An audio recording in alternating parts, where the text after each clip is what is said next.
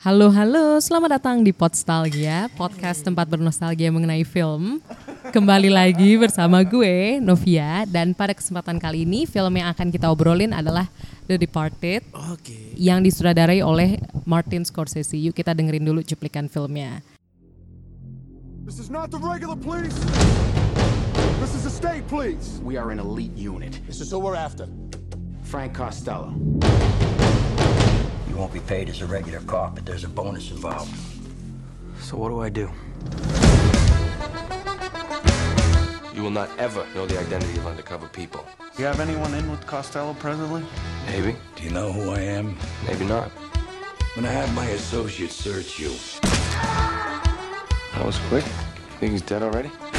Get your hands off me! I think we could work something out. We are all convinced that Costello has at least one mole inside the Special Investigations Unit. There are parts of my job I can't talk to you about. Man, you are trouble. You don't know the half of it. You better get organized, quick. Hey, last time I...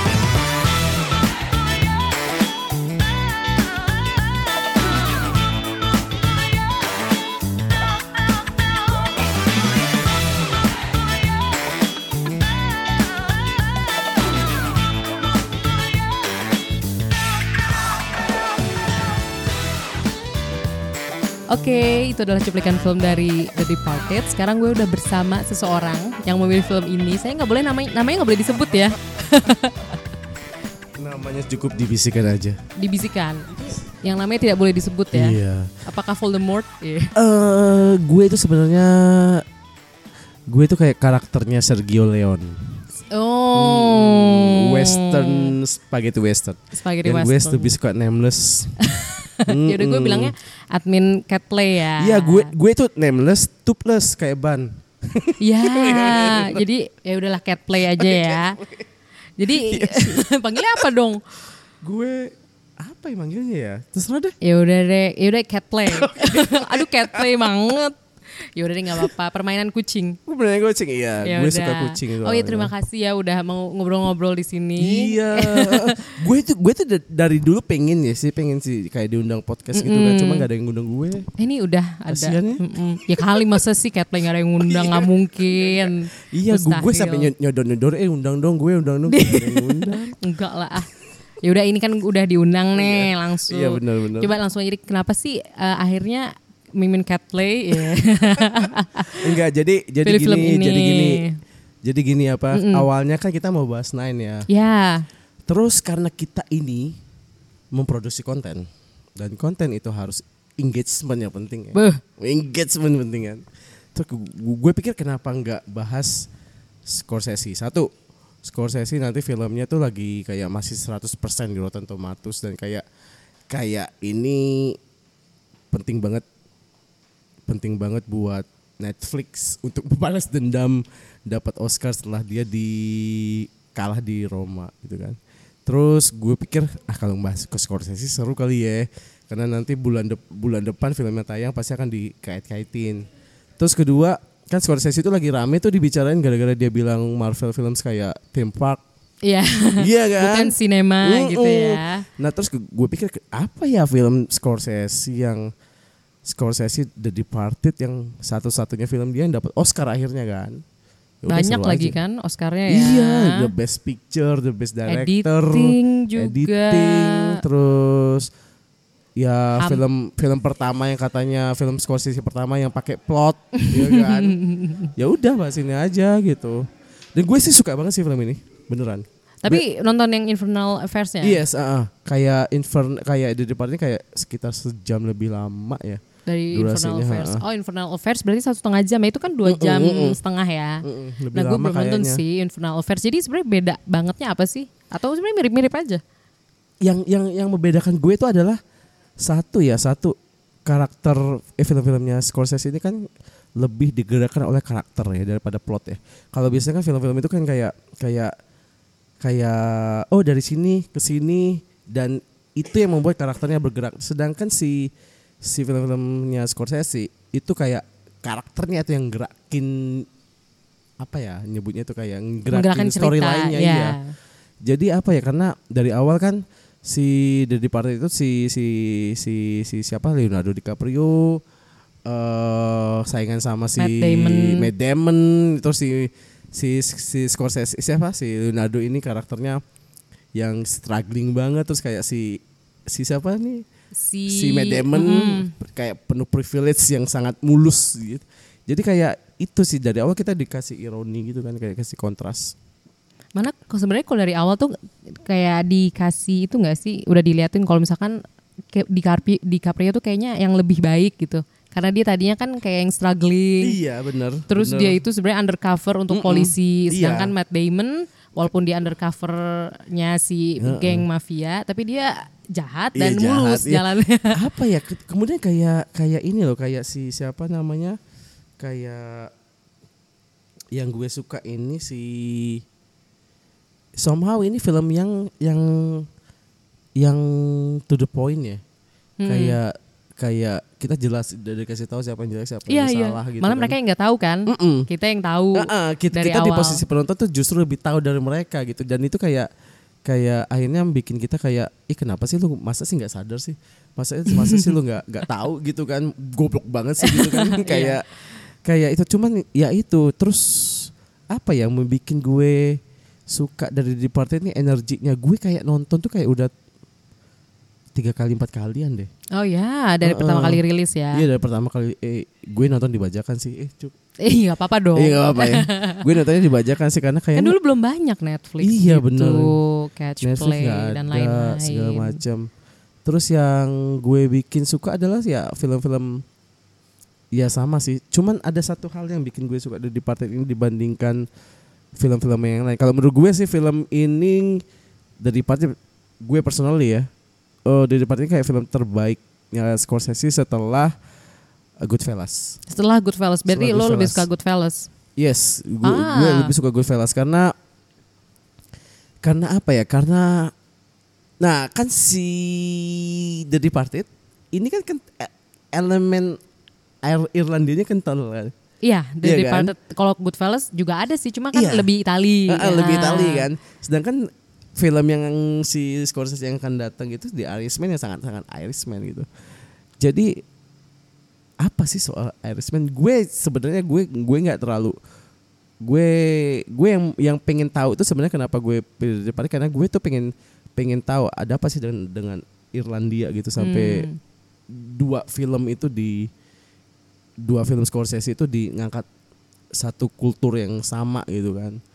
Yang The Departed ini yang gue suka lagi itu adalah eh, cara dia cara dia mempertemukan apa ya keren banget istilah juxtaposisi juxtaposisi apa sih artinya gue juga nggak ngerti Em, coba-coba mungkin diceritain habis itu nanti kita jadi Iya, lebih iya, oke, lebih nge Jadi kayak kayak kan dari awal kan si si karakternya Leo dia kayak the good guy gitu kan. Ya. The good guy. Sampai akhirnya boleh spoiler gak sih? boleh boleh di sini Sampai- boleh. Iya kan sampai akhirnya dia kemudian selingkuh sama si pasangannya si Matt Damon gitu kan. Ah, si Vera Farmiga Via ya. Vera Farmiga. Dari situ adalah kita kalau kalau kalau kalau kacamata orang awam kayak ya ya udahlah memang si si Matt Damon-nya jelek gitu kan. Tapi kan, eh, jahat gitu maksudnya Iya, kan. iya.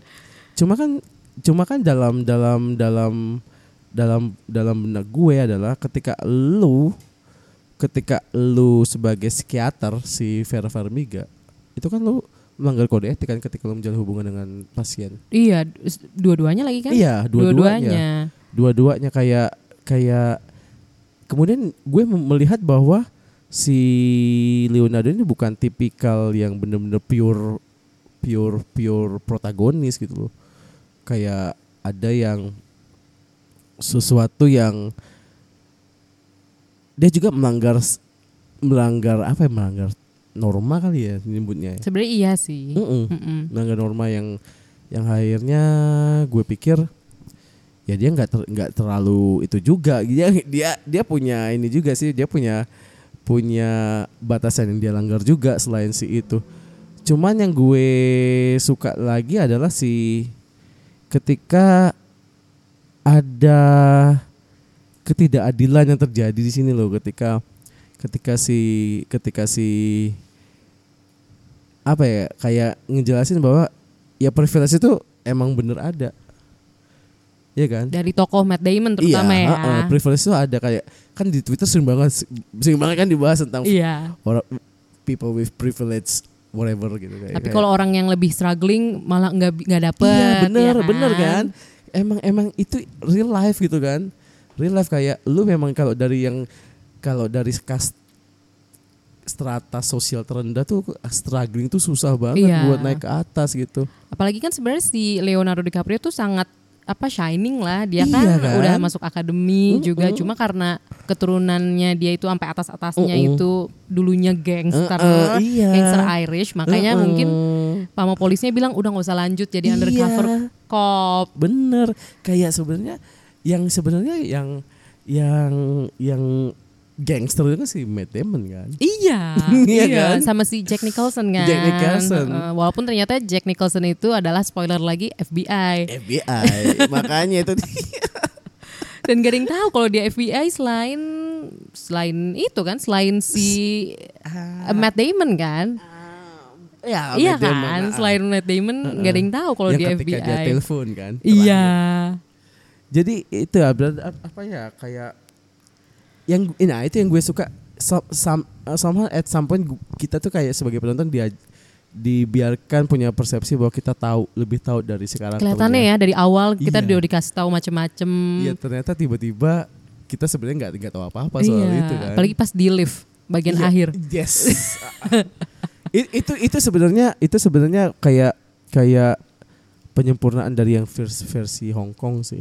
Oh gitu. Iya. Gue belum nonton yang Hong Kong. Coba nonton deh. Jadi itu, kayak penyempurnaannya di bagian Nah tapi tapi yang yang ngebedain ya Mm-mm. somehow somehow somehow dari part ini lebih lebih gue gue lebih suka daripada versi Hongkongnya karena lapisan human human drama itu lebih banyak di di di, dari part it. Oh ya, Mm. karena mungkin masing-masing karakter kayak punya motivasi sama konflik Yes. internal masing-masing Uh-uh, lebih uh-uh, yes. Apalagi apalagi ini apalagi pas di pas di ending yang Mhm. ada tikus. Oh, yang itu ya setelah Matt Damon-nya Yes, ditembak uh, uh, Mark, Mark ditembak Wahlberg sama ya. Mark Wahlberg. Itu kayak kayak apa ya kayak kayak itu sih emang somehow kayak too obvious ya, too obvious bahwa cuman cuman ya tikus itu pasti ada sih. Iya Biarpun dan kita sebersih apa pun kan. iya. Iya kan, sebersih Betul. apa pun di kayak kayak itu kayak yang gue tangkap sih itu kayak itu ap- itu tikus itu muncul di apartemen mewah kan. Iya dan latar apa pemandangannya juga mewah Iya. indah, bukan Iya. gedung lagi, tapi Bukan pemandangan. pemandangan gitu kayak kayak kayak kayak gue nangkapnya kayak sebersih apa pun elu jaga ngebersihin lingkungan lu pasti tikus tuh pasti ada. dan di film itu banyak banget lagi kan. Ya iya. Ya kan, kayak mungkin kita kira ya udah tikusnya cuma mereka berdua Mm-mm. di awal kan, dan kayaknya kita udah tahu banget karena kan Matt Damon sebelum dijadiin informannya mafia kan kayak dari dari masih lebih muda tuh udah diliatin Iya, kan uh, pertumbuhannya. Dia diajak sama Jack Nicholson, terus si Leo juga abis abis dari akademi.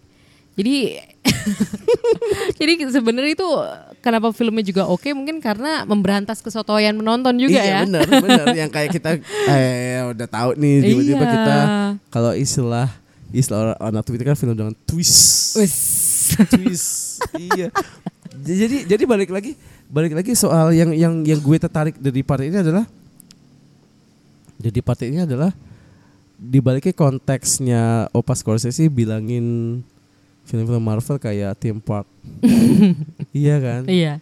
Somehow gue somehow waktu dia Heeh. bilang itu di jadi itu gue baca itu kalau nggak salah di salah satu artikel apalah dia ngutip artikel Empire. Terus gue kayak tiba-tiba subuh-subuh tuh gue beli majalah Empire gitu Langsung kan. ya? Langsung beli. Gue penasaran konteksnya tuh apa gitu. Jadi kayak Martin Scorsese itu bilang bahwa ketika dia bikin film New York New York itu tahun 70 dia dibenci sama produser. Hmm. Film itu flop se-flop-flopnya. Bahkan padahal waktu itu dia habis dari film eh, bikin film Taxi Driver. Terus dia nggak ada produser yang percaya, nggak ada kayak dibilangnya karir lu tuh abis gitu loh. Cuman yang gue penasaran adalah si Scorsese itu adalah tipikal filmmaker yang suka tantangan dan dan for me that's that's the that's uh, what that's what art, what art is gitu kan. Kayak itu sih seni kayak lu seni itu kayak intinya nantang kita gitu loh. Nantang perspektif nantang kenyamanan nantang nantang eh, status quo lah segala macam. Itu yang di itu yang dibikin oleh si Scorsese di di Departed itu dia bener-bener kayak awalnya minjem plotnya si yang asli original tiba-tiba dia ngenantang itu dengan sesuatu yang beda. Yang ketika dia si ketika di akhir ketika di siapa di filmnya disebutin bahwa Jack, Jack Nicholson ternyata itu gitu kan. Iya.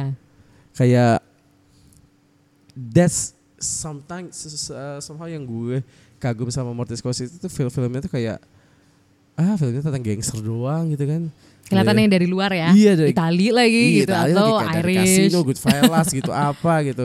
Cuman cuman kayak memanusia memanusiakan gangster gitu loh. Bahwa gangster itu ya gangster ya human. Iya. Sebenarnya itu kayak tokoh Vera Farmiga gak sih itu bikin human Yes. mereka berdua Yes. kayak nggak bisa ditahan gitu uh, uh, loh. kayak- mereka tahu itu melanggar kan. etik. uh-uh. Kayak penyeimbang kayak Tapi batasan batasan norma normanya si normanya si siapa si si si karakter Leo sama sama Matt Damon itu kan si Vera Farmiga. Iya. kan. Kayak dia tuh kayak batas itu. Kemudian si Vera akhirnya melanggar melanggar itu sendiri kan. Iya. Di, dia dia kemudian kayak benci bahwa dia udah tahu bahwa Matt Damon itu kayak kayak Red. Iya red. Ternyata dia juga gitu gitu. Iya. Dan mungkin karena udah tahu juga kan kalau Leo tuh sebenarnya adalah red dari polisi gitu Iya, kan. eh, tapi kalau kalau gue penasaran nih, gue penasaran nih. Gue gue ini oh, gue waktu waktu nonton The Departed ini kan gue gue itu nonton sama beberapa teman cewek kan. Iya. Kayak somehow temen cewek tuh temen tewe- cewek cewek-cewek gue itu kayak eh bilang bahwa di di di di di, Departed si Leo tuh kayak kayak appeal-nya nangkep banget. Di situ ya. Kalau lu bener gitu gimana? Hmm, iya sih sebenarnya daripada Matt Damon ya. Gue Kenapa? mungkin karena Alasan lu satu gue udah benci Matt Damon dari awal. Terus Terus benci karena karena sifatnya gitu ya. Iya, menurut apalagi kan kalau menurut gue Matt Damon tuh kalau stereotip ya kalau main film tuh lebih ke baik ya sebelum ada Iya, Interstellar iya. juga Ah, ya. ah, ah. Jadi kayak ketika gue nonton di film Kayak Matt Departed Damon is Matt Damon gitu di- Iya. di, tiap film gitu ya. dia jadi super jahat gitu kan. Maksud gue berarti berhasil juga kan karakternya di situ. Jadi gue lebih nge- pro ke Leonardo juga sih. Iya kayak dia tuh kayak Leonardo kayak temen kayak kata gue kayak boys. ya di situ menurut gue ya. Iya boys Mm-mm. yang yang gimana? Apa ya? Iya itu yang kayak yang gue suka tuh kayak korup corruption itu emang dari kecil kan. Ketika si Matt Damon waktu kecil karakternya kalau nggak salah dia nyuri apa gitu di di toko kemudian Mm-mm. didiemin kan Iya. didemin dan dibilang bahwa kamu akan jadi murid saya atau apa sama si Jack Nicholson itu kayak gila itu kayak lu tuh bibit-bibit kayak gitu tuh emang dari awal dari kecil iya, gitu nggak bisa bohong ya. iya dan dan dan gue jujur aja sih kalau nonton The Departed kayak inget-inget polisi-polisi ya harus diakui sih polisi-polisi kita ya Hmm. boleh nyebut gak sih Iya, pokoknya adalah Iya, beberapa adalah anggota oknum, polisi oknum gitu kan oh, yang yang tidak berlaku semestinya. Iya gitu. Terus kayak gue kayak kemudian what's the point kalau misalnya institusi yang yang yang negakin disiplin ketika mereka mereka mereka mereka latihan harus disiplin tiba-tiba disiplin itu kan seharusnya kayak melatih et, melatih pribadi lu kan. Harusnya. Iya kan? Mm-mm. Kalau disiplin kan lu harus kayak segala sesuatu on time itu kan berarti lu harus punya komitmen terus lu harus harus jujur gitu kan. Kayak ketika kayak gitu tiba-tiba institusi yang diharapkan seperti itu tiba-tiba dari dalam digerogotin. Banyak lagi ya. Iya.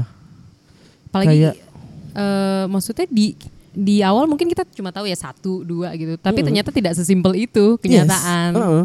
Kayak kayak somehow kayak sama Matt Damon itu sama Matt Damon itu karakter yang karakter yang menurut gue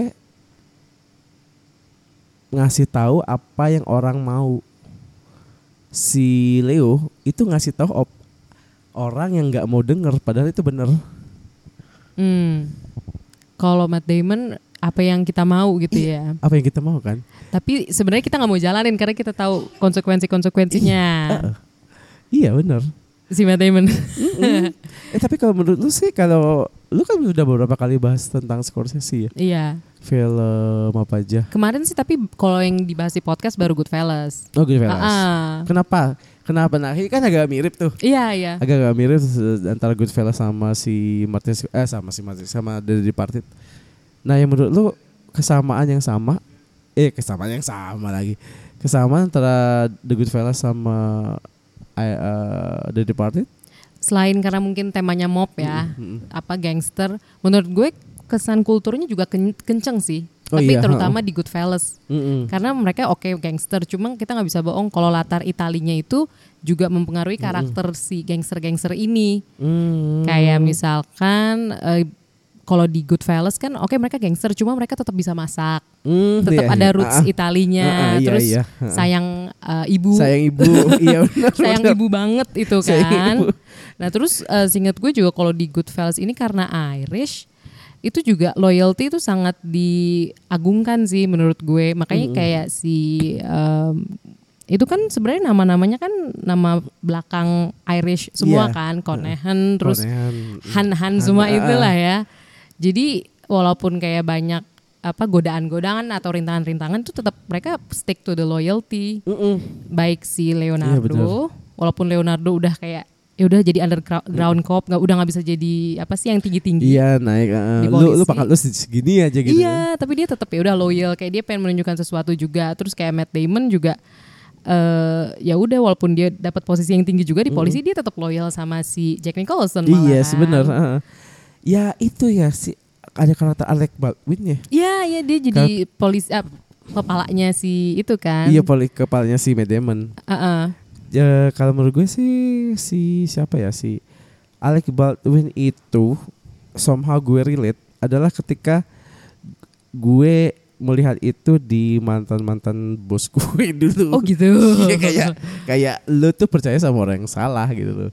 Kayak kayak kayak kayak orang-orang yang kayak orang-orang yang bilang yang yang suka yang tahu lah cara cara cara cara deketin si bos gitu sampai dia kemudian senang padahal dia sebenarnya ya nggak nggak berkontribusi apa pun gitu ya, kan. ibaratnya bisa kalau kasarnya as leaking gitu ya. Yes, leaking. Nah makanya that's why kayak The Departed ini somehow melebihin melebihin itu meleb, menurut gue ya menurut gue gue suka banget sama Infernal Affair jujur aja kalau gue itu twistnya in the In- Infernal Affair tuh lebih somehow lebih klik Hmm. somehow lebih klik karena kenapa karena paradigmanya si Infernal ini action Emang action ya. Kalau ini drama loh. drama Drama tapi Drama. ya emang latarnya geng, geng gangster dan tapi, polisi. tapi tapi drama dan lebih ke ke human karakternya Iya, kan. heeh. kalau si Infernal kan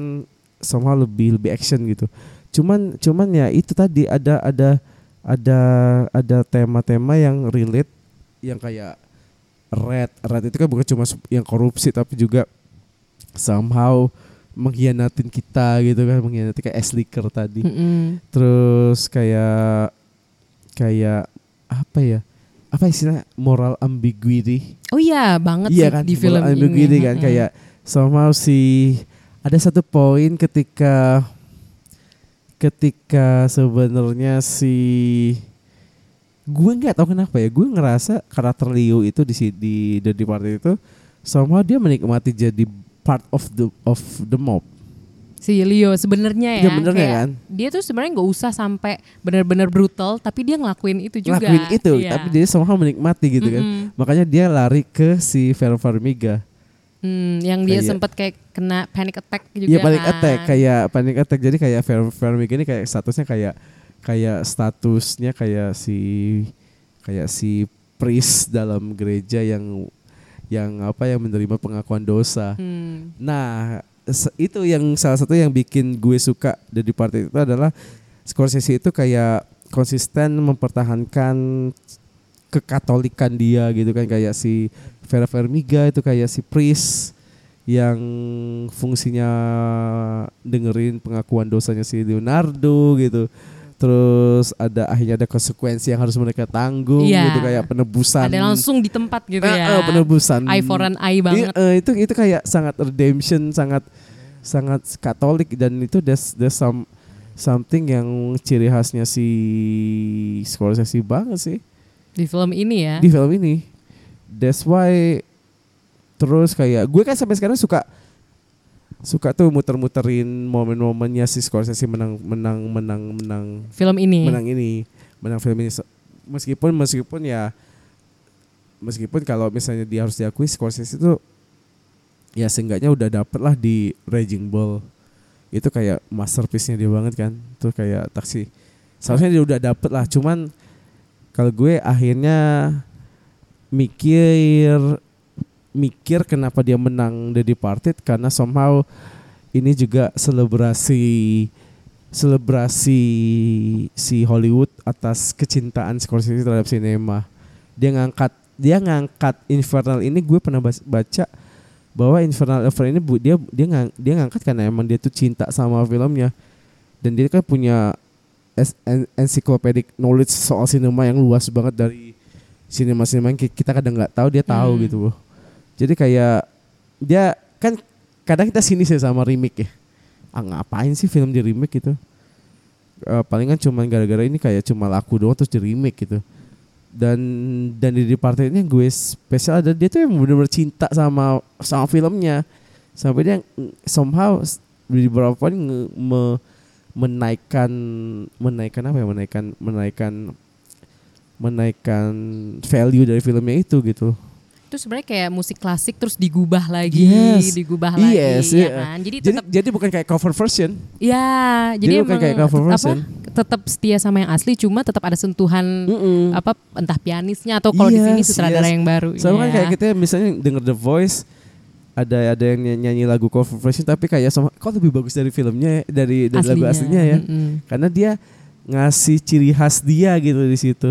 Iya, tapi tetap kita keinget oh ini karya yang oke, tapi Mm-mm. penyanyinya juga oke gitu Mm-mm. kan. Nah kalau menurut gua kalau kalau menurut lu sendiri yang ketika kita kalau kita bahas The Departed Hmm. itu eh momen favorit lu apa? Tetap sih yang di lift buat gue. Selalu itu yang di lift itu. Karena gue nggak nyangka, gue spoiler ya. Ini emang Iya. karena di akhir kan, jadi spoiler Mm-mm. banget. Ketika eh, Leo udah mau nangkap si Matt Damon ya kan, terus kayak Matt Damon kan sebenarnya udah bilang eh, udah bunuh gue aja, iya gue bakal bunuh lo. Terus pas kebuka pintu liftnya ternyata Tiba-tiba ada ada ada red yang lain. Itu menurut gue kayak gue nggak nyangka itu. Sih. Kayak gue berasa tadi oh gue udah paling tahu nih wah ini gimana nih endingnya nih? Kayaknya Matt Damon bakal mati nih gue Karena somehow seneng. lu merasa rooted for Leo ya. iya iya entah kenapa gue di situ walaupun gue tahu juga kalau dia juga sebenarnya punya ambiguitas moral yang tinggi juga gitu kan. Sama aja sih semua hampir semua kayaknya kayak gitu kan bahkan Vera Farmiga juga. Cuma entah kenapa di situ ya namanya juga nonton adalah condong ke Mm, pihak iya, iya. mana makanya itu itu adegan favorit gue sih dan ketika pemakaman juga favorit.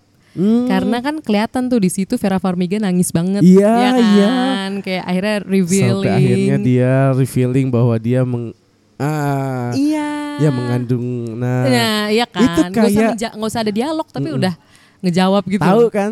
Tahu kan ini siapa?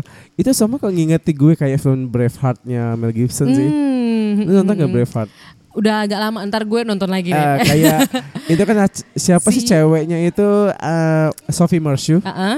Sophie Marceau lu kan suka Prancis ya Sophie Marceau itu in the end kan dia mengandung anaknya si, Si- itu kan ya. Ah, iya kan Iya, iya, iya. kayak gue kayak kok kayak gue kayak The Braveheart gitu Mm. tapi kalau gue sih pro, m- momen favorit gue adalah ketika ada kan di di party ketika si si Jack Nicholson tuh kayak curiga siapa yang jadi Red Mm-mm. dan dia kemudian curiga. manggil si Leonardo dan dia kayak mau mukul pakai palu Iya. itu kan kayak anjir gue kayak kayak kayak wah ja- jangan sampai ketahuan dong, sampai, jangan sampai ketahuan dong. It- it- it- itu yang yang menurut gue yang menurut gue tuh kayak si Jack Nicholson tuh kayak kayak si Martin Scorsese itu kayak cerdas banget ya, kayak cerdas banget ngarahin dan sebenarnya sebenarnya sih kayak si siapa? Kayak si eh ini temen gue. Oh Ada ya, temen gue, ada penonton kita Halo. ada sekitar 50 orang di sini. Kayak talk ada show ya. 50 orang talk show di sini. Jadi yang apa namanya si siapa? Si si siapa? Kok gue jadi Eh, lupa Jack kan? Nicholson? Nah, Jack Nicholson.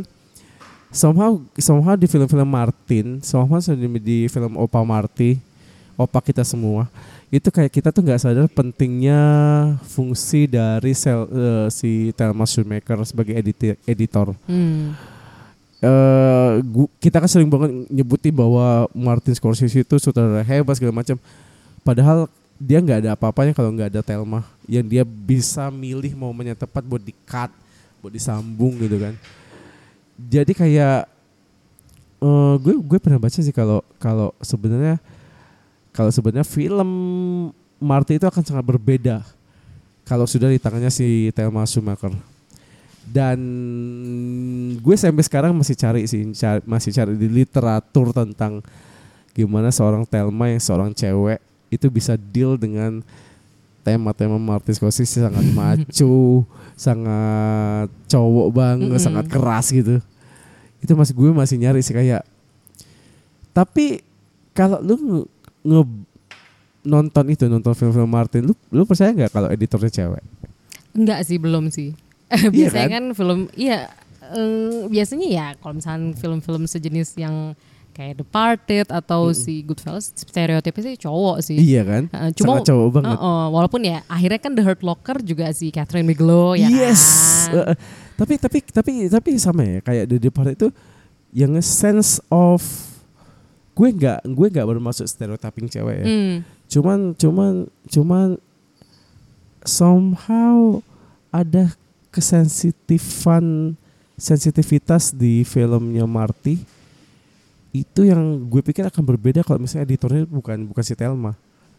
Kayak ada sensitif kayak gini aja kayak ketika si karakternya si si karakternya si Vera itu sudah mulai dia merasa bahwa dia punya feeling sama si Liu. Itu nggak akan nggak akan sama editor kalau apa ya ada ada satu momen ketika ketika si itu mulai affair kan si Vera-nya nangis. Mm-mm. Dia ngaku bahwa ini salah gitu. Gue gue yakin kalau misalnya editornya bukan bukan bukan cewek itu itu nggak akan seperti itu gitu loh. Kayak itu yang yang seneng kayak somehow somehow karakter karakter cewek di karakter perempuan di filmnya Marty terutama di di, di Parted ya itu kayak cenderung cenderung ya kalau misalnya istilah male gaze atau apa pun Hmm. yang dari dari dari pandangan cowok ya itu kayak karakter cewek cuma jadi aksesoris tanpa ngasih pengaruh apa pun terhadap progresifnya plot gitu kan. Pada sedangkan di film-film Marty kayak Casino ya kan kayak Goodfellas. Oh iya. Iya kan? mm, mm-mm. Karakter perempuan itu penting banget dengan dengan perubahan plot gitu. Perubahan keputusan sikapnya si karakter gitu. Jadi ya itu aja sih yang gue suka. Iya ya, luar biasa sih semua aspek sih. ini ini nggak bakal habis sih ngomong di Iya. Departed kayak somehow somehow gue gue merasa memang ada film lain yang film lain si Scorsese yang yang yang lebih pantas kayak Silence. Hmm. Silence, Silence itu menurut gue salah satu yang terbaik film Martin yang saya nggak dilirik sama sekali oleh Oscar kan. Terus ada filmnya si Hugo, gue suka banget Hugo. Gue suka banget Hugo itu kayak kayak homage ke filmnya George Méliès. George Méliès. Hmm. itu kayak homage ke sinema banget dari mulai si robot Iya. si, si robot itu yang sebenarnya siapa sih yang mem- eh, siapa sih yang memperbaiki itu itu robot itu memperbaiki atau si manusianya memperbaiki si robot bahwa broken heart itu eh bahwa broken soul itu bisa diperbaiki dengan film gitu loh itu keren banget da, tapi ya sama memang itu di partai ini kayak ngebuktiin bahwa Martin Scorsese tuh bisa tahu sinema, sinema Hong Kong dan dia bisa ngadaptasinya dengan sangat baik dengan ciri khas dia tanpa kehilangan soul dari film aslinya gitu. Apalagi udah nonton kan, berarti kan maksudnya Mm-mm. bisa bandingin dong. Bisa bandingin. Mm-mm. Hmm, ya. Ih, gue jadi pengen nonton sih. Belum Nonton yuk, belum nonton belum yuk. kenonton. Iya, pasti Nonton pasti pasti Infernal Kita Affairs. kita perlu nonton bareng kayaknya. Iya, fix sih. Kalau penonton di sini gimana suka nggak ada di Departed? suka lah ya. Jadi ini teman-teman gue sih. Hmm. Sini ada Ar, ada ada Mbak Vera. Ya, kita satu grup satu Ah. grup Telegram yang suka ngobrolin film juga tiap hari Minggu. Hmm, Kebanyakan gosipnya sih tim ngobrol filmnya sebenarnya. Tapi kan tetap ngobrolin lah Iya, ya. ngobrolin. Intinya itu. Oke, thank you banget. Thank you, thank you. Mimin eh Eh, Mim. Mimin. Kita bisa ketemu lagi kan? Cat play apa? Iya bisa sih, semoga Bisa kan? ya. Iya. Heeh. Sip, thank you banget Thank udah sharing-sharing. Undang lagi dong. Apa sih eh ya pasti dong. Iya. Asal di Jakarta. Yes. Iya, jangan di kota lain agak sulit Iya, nanti. uh-uh. Apa sih Twitternya? Twitter gue itu at picture underscore play. Ah, ini mah udah banyak sih yang ngikutin sih. Iya, it- it- itu sebenarnya gue apa ya? Gue random banget sih kalau ngomongin film jujur aja. Ah. Gue gue itu tipikal yang kalau misalnya gue lagi di jalan, gue itu kayak eh, ngelihat ngelihat ngelihat OTT atau apa, gue kayak eh kayaknya bagus. Tuh terus kita tonton. langsung. Kalau gue nggak tertarik 30 menit, gue gue, gue tinggalin. Hmm, Tapi kalau misalnya lebih dari 30 menit, ini kayak oke gue lanjutin gitu loh. Ini bagus sih sebenarnya udah ditonton. Kadang kan orang masukin watchlist aja ditonton juga enggak ya gue kan. gue nggak pernah punya watchlist beneran. Gue soalnya ada. gue nggak pernah punya watchlist. Oh langsung tonton. Iya, kayak seringnya kalau gue watchlist itu gue nggak nggak gue tonton. Iya sih. Kayak jujur aja Setuju. gue belum nonton Midsummer sampai sekarang. Oh iya, karena masuk ke watchlist jadi nggak ditonton atau nggak juga sih, sempet. kayak- karena itu gue tuh nonton random beneran deh, Ah, random. Jadi ah, kayak ah. Kayak sesuai mood gitu. lebih enak gitu nggak sih? Jadi nggak Bener, ngikutin hype orang-orang terserah gitu loh. Yang penting Iya. kita sesuai kita aja Bener, bener. ya kan. Kayak tiba-tiba gue random, gue misalnya lagi suntuk kerjaan tiba-tiba Mm-mm. eh gue, gue- random gitu kayak ah, gue kayaknya nggak mau ngebuka Netflix nih. Kayak ngeliat anime, anime nonton anime. Mm-mm. Kayak tiba-tiba gue nonton Korea kemarin gue nonton Korea. Langsung lah ya. Pokoknya Yes. tidak mengikuti misalkan Midsommar lagi rame Yes. gitu atau Dan gue biasanya kalau nge-tweet Mm-mm. review itu spontan. Hmm, makanya kadang lagi film apa hype-nya cuma tiba-tiba nih film OTT mana gitu ya. Kalau dari picture play. Makanya gue kayak kayak tiba-tiba gue ada satu gue tuh gue tuh selalu selalu selalu ada nemuin momen satu entah itu series entah itu film yang bikin gue pengen nge-tweet entah itu line apa Hmm. gitu entah itu shot apa gitu. Tuh gue spontan aja nge-tweet. Langsung ya. Itu sama sekali gue jarang banget yang kayak yang kayak harus disusun dulu tweet-tweetnya gitu. Hmm. Makanya tweet picture play itu teman-teman banyak yang typo. Jadi karena memang gue refleks banget. Iya, iya. Tapi lebih manusia tahu kalau typo tuh. Iya, cuman- Kadang-kadang. Cuman emang ngeselin sih kayak ini temen gue ini kayak sering, woi typo, woi woi. Gak apa-apa lebih rame, ada engagement ya kan? Iya. Berarti. Oke, thank you banget. Thank you, thank you banget, sampai Thank you banget. Udah join-join nanti kalau misalkan di Jakarta ya langsung kita mungkin set Besok up. aja lagi kita Oh ya. iya, besok bisa.